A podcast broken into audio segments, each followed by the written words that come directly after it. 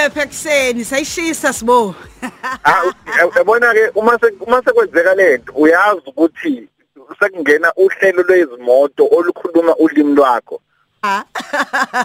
Sithi vuka vuka Africa Motoring nosibowa kamyeni uyabona ke ngiyazi ukuthi usuke ufana nokuthi usushunqiselwe impepho njengamanje usuke ungasezwa nawe. Uyabona nje kube ngathi uthelwe ngezibonkolo abona nje uyisho kahle sizuma ukuthi ethelwe ngezibonkolo ngoba uyazi ukuthi awu manje igazi liyanyuka iblood pressure yonke into ivele ihambe phezulu. Ngoba futhi konke kwenzeka ngentenhle ngoba ukujabula ukukhuluma nabalaleli abahle kunawo bonke eMzantsi Afrika abalaleli bokhoze FM mfethu kuhleze kuyintokozo kakhulu ukuthi sikhulume nawe la noSipho nolwazi ekseni kuyivuka Africa Motoring. Eh ngoba sithola nolwazi oluningi oyoqhamuke nalo. Olunye singasho sithi ke ulwazi olongeziwe nolwazi olusilekelelayo nje empilweni yethu sonke ngeindlela ke ezihlukahlukene kodwa ke namhlanje ngiyazi ukuthi khona isihloko osiphethe uzokhuluma kakhulukazi ngamathaya ezimoto ukuthi senza njani uma ngabe mhlambe sifikelwa inkinga yokuthi usemgwaqeni uyashayela ithayi lakho seliyagwazwa ligwazwa hayi ngoba kwenzeka iphutha kwenziwe ngamabomu ukuthi malugwazwe ukuze mhlawumbe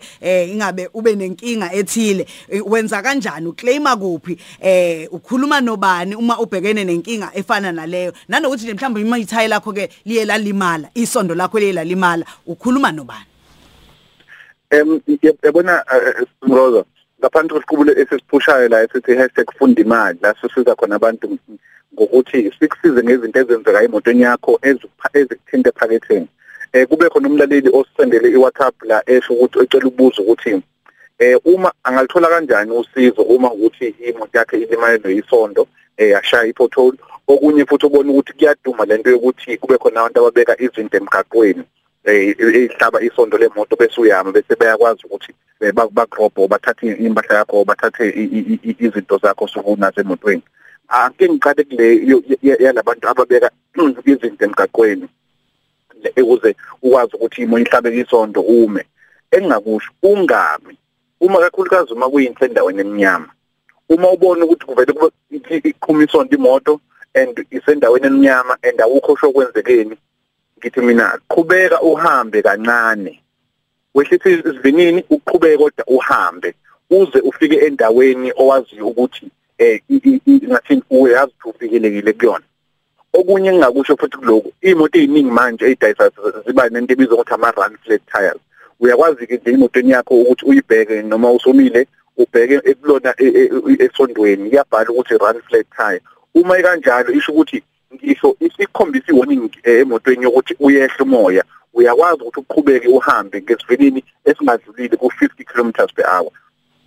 So ngasho ukuthi uma ukuthi inayo run flat and uyasola ukuthi endaweni ohamba kuyona umnyama awubona ukuthi awuphephile and awazi ukuthi yenzeke kanjani lento ukhumbule phela awakayiboni isonto akakaboni ukuthi ihlatshwe yini. Mina ngithi qhubeka ushayele uhambe uhamba ngezivini eziphansi uze ufike endaweni endaweni obonayo ukuthi cha eh ngathi manje sengi sengi sengifikelekile. Indawo ngayazona ngabe indawo mhlawumbe yamaphoyisa o indawo uma uhamba endaweni mhlawumbe oyijwayele umuntu ufonele umuntu omaziyo utshena ukuthi kunento eyenzeka kanje ngiza kuwena and ngiyasola ukuthi khona umuntu obeke into emgaqweni. Bengingasho sithi ngithi amagaraji kodwa ke ngendlela esekwenzeka ngayo sesibona ngisho abantu bentshontshelwa izinto emagaraji. So ngeke ngisho ngokuqinisekisa ngithi mina hamba uye egarage liseduze nawe ngoba sesiyabona ngisho emagaraji yenzeka ukuthi umuntu athi emile adume khona kuthathwe imoto okuthathwe impahla so ngingathi nje iya endaweni yamaphoyisa noma uye umuzi umuntu omaziyo oseduze umfonele umtshela ukuthi kulesimo uyazi omunye umuntu eh mhlambe omunye umuntu njengoba usakhuluma kanje angathi ayi uthi lento esho usibonga ngempela ikhona iyenzeka ngempela yini? Uyazi eh khona nje olunye udaba eh kade silikhuluma noSipho eh la eGauteng ku R8 ku highway kwenzekile kwabekwa ama spikes emgwaqeni. Omunye umshayeli uthe usazama ukulishintsha ithayi qhamukiyani laba abayigebengu badubula. Naye wazama ukuthi aphindisele phela ayivikele eh ezintweni enjalo eh amaphoyisa ke ngathi ke asagcwele nje ababheka labo bantu labo abanye abathe babaleka. Ngicabanga ukuthi lokho okhuluma ngakuyiqiniso ngempela udaba olusaqhubeka.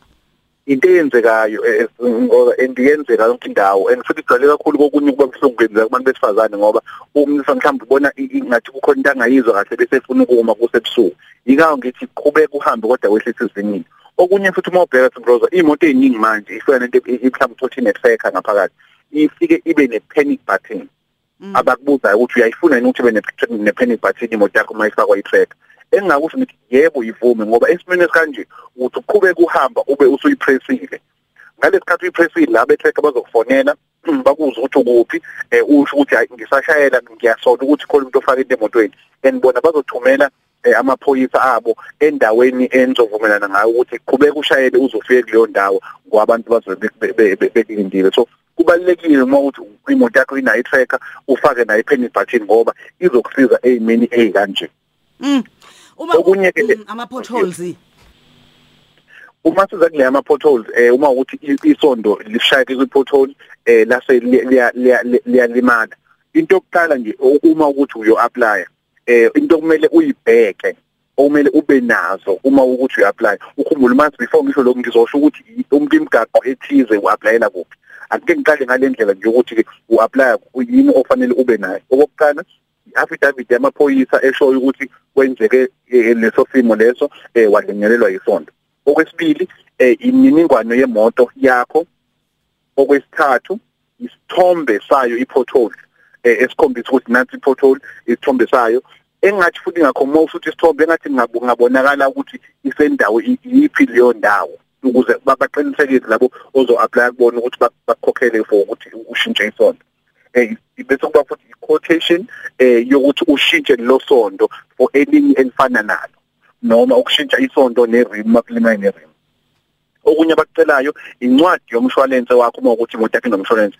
Eshoyo ukuthi ngeke ubuye futhi uye kwi-insurance uyofaka i-claim ngoba benzela ukuthi phela bangathi base bekukhokhelile bese ngiqala phansi ubuye kwi-insurance yakho futhi uyoclaim. So ke kufanele ukhokhelwe kanye. Then uma ukuthi ulimele or leyo nto ibangeke ukuthi kwaba khona ukulimala ngencwadi kadokotela. Na uma sokuhlanganise konke lento uyabuphi kubalekile ke sisimboza ukuthi abantu balelisise imigaqo yonke iyabhalwa kuba khona N1 o R603 o M4 kanjalo. Uma imigaqo owenze yona into kuno N kusho ukuthi umgaqo we-national lapho u- if claim yakho ufanele uyifake ka-standard angiphinde futhi. Imigaqo no N1 N2 N3 kanjalo leyo migaqo leyo no N kusho ukuthi ama-national roads lapho i-claim yakho kufanele uyifake ka-standard uma ku R imigaqo leyo yifundazwe kodwa futhi nayo ingaphansi kwe- komnyango we- we- we- um- umnyango we-department yezokuthutha futhi uyakwazi ukuthi uyifake naka-standard leyo u-R bese ukuthi umgaqo uma uno-D lapho ama-district roads okusho ukuthi uyakwazi ukuthi kwindawo zomasipala abakhulu endaweni uyakwazi ukuthi uyofaka i-claim kubona. Bese ukuthi okugcina imigaqo le M o M4 ombani leyo mgaqo le ama-metro roads njengogoli njengokapa njengakothekwini kanjalo. So kuma M uya kumasipala ukwi-metro eseduze ukuze ufake i-claim yakho ukuthi bakulungisele isondo or bakulungisele izini libe sesimweni okade isona ngale before ukuze kwenzeke lento. Ngoba umgaqo ubhekwe ibona so ama-pothole ibona efanele bawavikele. Ngiyazi ukuthi abantu abaningi sibheke na kuDisember manje zincane insuku singene ku2022 khona abathi hayi no siyafisa ukwazi kabanzi nangeimoto nje. Eh abanye ngiyazi bazofuna nokuthenga iimoto eh kodwa bayafisa ukuthi banilandele einkundleni zokuxhumana. Benza kanjani?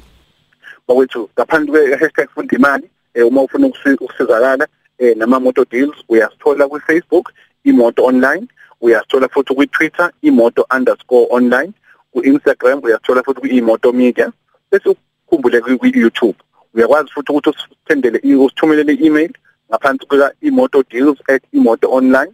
Uma ukuthi udinga lento usiza ngento zeyima- zeyimali lento efunda imali uyakwazi ukuthi usi-emailele eh kusibonelo m at imotoonline.co.za lapho ngizokwazi ukuthi ngikwazi ukuthi nginike ulwazi eh, oluhambisana nokuthi yini ongayenza.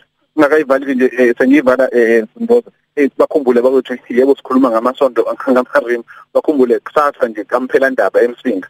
Eh idress khana bakwethu bayazi abantu abathanda ukuspina kweyimoto ayizenzeka. So so besikhona eh, sibuka eh, u- u- ubumnandi. Kodwa nje wasisho uma uyakhona noma uhamba kuyona i- indawo nge-weekend i-long weekend bakwethu sishayele ngokucophelela sigade ukuthi i- i- ube uhlale usesimweni esikahle uma kulimalelwa isondo njengoba ngisho qhubeka uhambe uze ube sesimweni la ufika ukuthi cha sengisafe sengigama or se- sengisendaweni ekahle.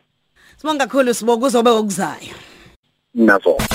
Le yivuka Africa Breakfast Show. ukhozi FM Nokuhamba phambili. phambili.